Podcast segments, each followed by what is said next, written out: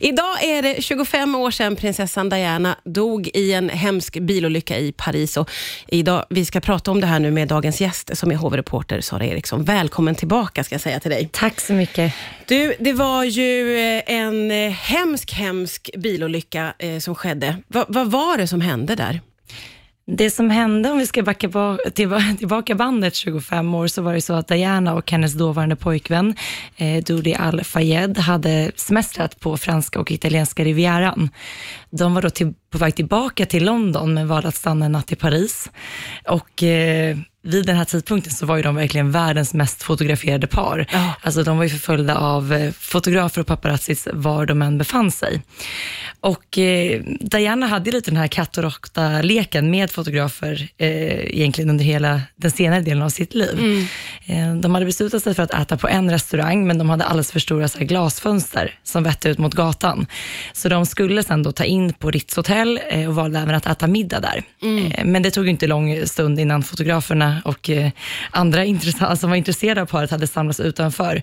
Man har ju sett så gamla bilder på hur, det var nästan som en tjock mur av människor som ja, stod ja. utanför dem, var de än var de än var någonstans. Det går nästan inte att föreställa sig idag hur många det var som förföljde henne. Vi pratar liksom inte 10-20, utan vi pratar hundratals ja. fotografer och, och människor som verkligen ville få en glimt av Diana. Eh, som sagt skulle paret stannat på hotellet, men eh, Dianas pojkvän blir väldigt upprörd över att de aldrig får vara i fred, att de aldrig får en lugn stund tillsammans. Så hans pappa har då en lägenhet i, i centrala Paris och de beslutar sig då för att istället övernatta där. Mm. Och då ringer de in Ritz säkerhetsvakt, eh, säkerhetschef, som ska köra dem till eh, den här lägenheten. Eh, de gör ju ett försök i att lura många fotografer, så man kör fram två stycken bilar och säkerhetsvakten försöker liksom låtsas som att, han ska, som att snart paret ska anlända. Mm. Eh, det är inte många som låter sig luras av det här. Mm. Diana och Dodi då smyger ut bakvägen och kör därifrån. Och eh, fotografer både på motorcyklar och bilar förföljer ju dem och eh, det här gör ju då att chauffören kör fortare och fortare.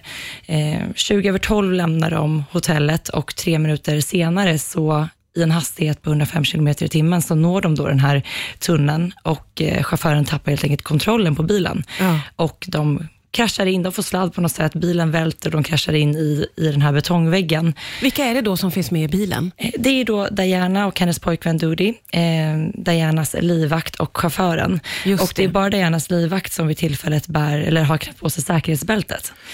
Utom alla, alla de andra tre har inte något bälte på sig. Och det man, de inte heller vet när de sätter sig i bilen, det är att chauffören har druckit alkohol. Just det. Medan han väntade på paret i baren har han beställt två drinkar eh, och man tror även att han har druckit innan, för att han hade en promillenivå eh, tre nivåer över vad som är lagligt i Frankrike. Okay. Så han var berusad när han satte sig bakom ratten. Oh. Eh, de här fotograferna som då har förföljt paret är ju först på plats vid den här olyckan. Mm. Eh, vissa hjälper liksom springa fram till det här bilvraket. Bilen har nästan gått på, alltså av på mitten oh. när den har kolliderat. Eh, Medan andra fotografer då fortsätter att knäppa bilder. De tar bilder på, på den här olyckan. Eh, och ehm, chauffören och Dianas eh, eh, pojkvän då omkommer direkt. Eh, livvakten överlever och Diana är ju vid medvetandet, även om hon är liksom, eh, har beskrivits som förvirrad. Eh, när Men när de första fotograferna kommer fram så lever hon? Hon lever då, ja. Eh, hennes hjärta stannar eh, under en kort eh, tid när de lyfter över henne till ambulansen, men de lyckas återuppliva henne. Och hon förs ju då till ett sjukhus i närheten där man då kämpar hela natten för att få den att överleva. Mm. Men klockan fyra på morgonen så nås man av beskedet att eh, Diana, prinsessan av folkets hjärtan, har omkommit i den här trafikolyckan. Ett chockbesked var det ju för mm. hela världen. Vi ska prata vidare strax här på Rix FM. Rix FM. Idag är det prick 25 år sedan prinsessan Diana dog i en bilolycka. Sara Eriksson som är hovreporter är här och eh, vi har precis då pratat igenom vad det var som hände. Och det här, eh, det var ett chockbesked för hela jordklotet att mm. prinsessan Diana hade gått bort.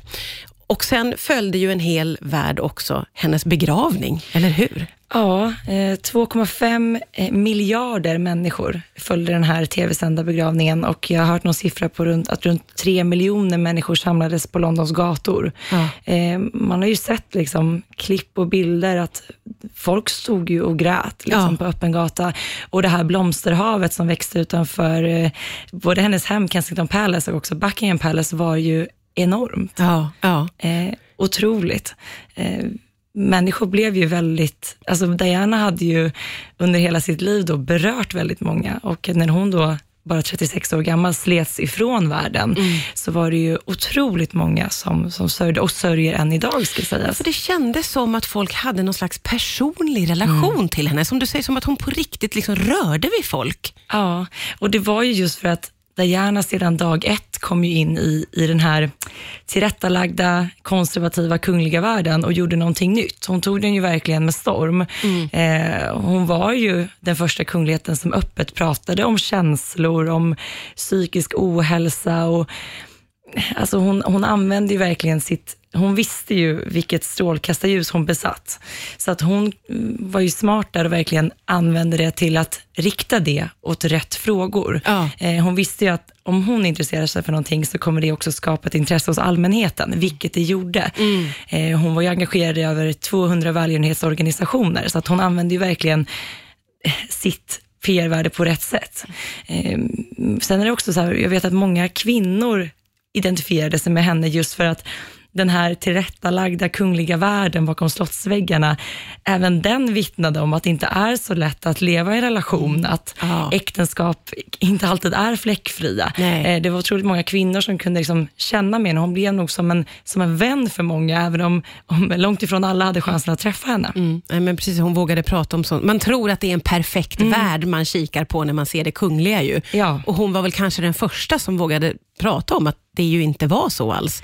Och det gjorde ju alltså, det, allmänheten älskade det, kungahuset Hata. tyckte, hatade det och tyckte det var väldigt jobbigt för att hon skakade ju om den här världen. Mm. Eh, det, de blev helt plötsligt ifrågasatta när Diana berättade att de var tre äktenskapet så det blev lite trångt. Ja. Alltså, hon berättade att hon inte hade mått dåligt, alltså att hon hade mått dåligt, att hon kände sig ensam, eh, den här pressen, eh, hon led av psykisk ohälsa, vilket hon också var väldigt öppen med. Eh, när hon började berätta om det här, allt man har trott består av liksom, eh, vackra middagar och en, en guldskimrande värld. Ja. När hon kunde på något sätt bli ansiktet utåt för det, så var det också väldigt många som identifierade sig med henne.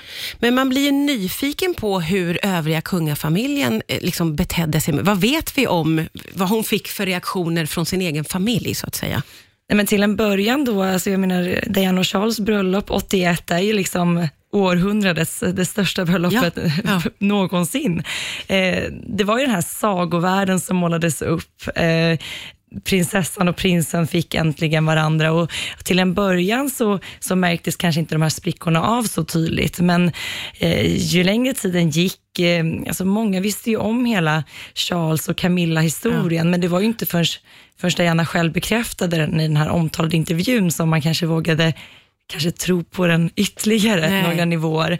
Eh, och jag menar, Charles och Diana separerade 92, men skildes inte förrän 96 och det var ju till slut drottningen som satte ner foten. Ja, det. Eh, det. blev ju nästan lite som ett frontkrig mellan Diana, Diana och Charles i media. Ja, eh, ja. Båda två ville ge sin version av storyn.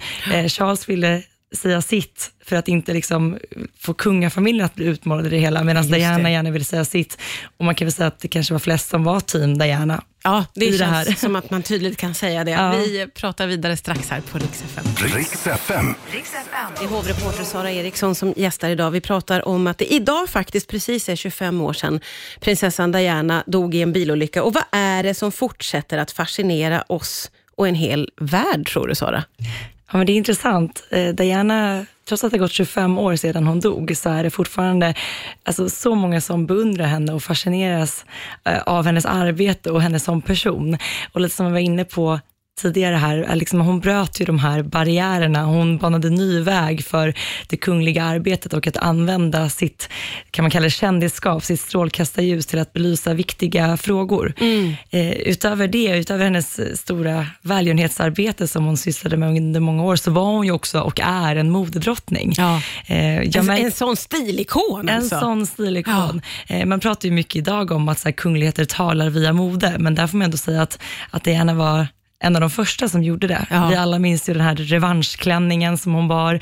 Alltså hon använde ju verkligen mode som ett sätt att kommunicera ja. eh, och det inspirerade ju så många och trots att det liksom är en så pass lång tid som har gått sedan hon bar de här ikoniska outfitsen så är de ju högst aktuella ja. fortfarande. Och jag, jag bloggar ju mycket om kungligt mode på L och jag märker så fort jag lyfter Dianas olika stilar eller olika takes på det så är det väldigt många som är intresserade och många vill liksom anamma hennes looks, kanske twista dem lite för att passa 2022, men fortfarande så himla aktuell. Ja. Och hur skulle du säga att hon liksom påverkade det brittiska kungahuset? Ja, men jättemycket. Eh, om man pratar om så kriser som har drabbat det brittiska kungahuset så är ju verkligen Dianas död en av de som har kommit att skaka om slottets väggar allra, allra mest. Mm. Eh, när Diana, Diana omkom så var hon ju då skild från Charles sedan ett år tillbaka och det var ju helt tyst ifrån hovets sida. Ja. Och det här fick ju folket att rasa och det gick ju så pass långt att ja, men, eh, drottningen befann sig vid tidpunkten på Balmoral i Skottland, men hon fick ju återvända hem till London och höll då det här historiska historiska talet från Buckingham Palace med det här blomsterhavet i bakgrunden. Ja. Eh, och det var nog där och då lite av monarkins räddning, för ja. att Diana var så otroligt omtyckt och uppskattad, så när man då inte hörde någonting från kungahusets sida så blev det otroligt ifrågasatt. Ja, folket hade ju säkert gjort någon slags uppror. Det var inte långt ifrån Nej. och det var ju dåvarande premiärminister Tony Blair som liksom fick pusha på drottningen till att faktiskt hålla det här talet, eh, till att också då drottningen tillsammans med prins Philip passerade det här blomsterhavet utanför Buckingham Palace just för att möta människorna i sorg. Mm. Eh, det var ett otroligt viktigt eh, moment för brittiska monarkin mm. eh, och deras anseende, för det var väldigt så ifrågasatt där en tid efter Dianas död. Kommer vi fortsätta att göra dokumentärer och filmer och prata om prinsessan Diana om 25 år igen, tror du? Det tror jag absolut. Alltså, vi pratade om det tidigare. Alltså, böcker skrivs, filmer görs och eh, det tar liksom aldrig slut för att Dianas liv påverkar fortfarande så pass många och fascinerar en hel värld ja, än idag. Verkligen. Tack snälla Sara Eriksson för att Tack. du kom hit idag.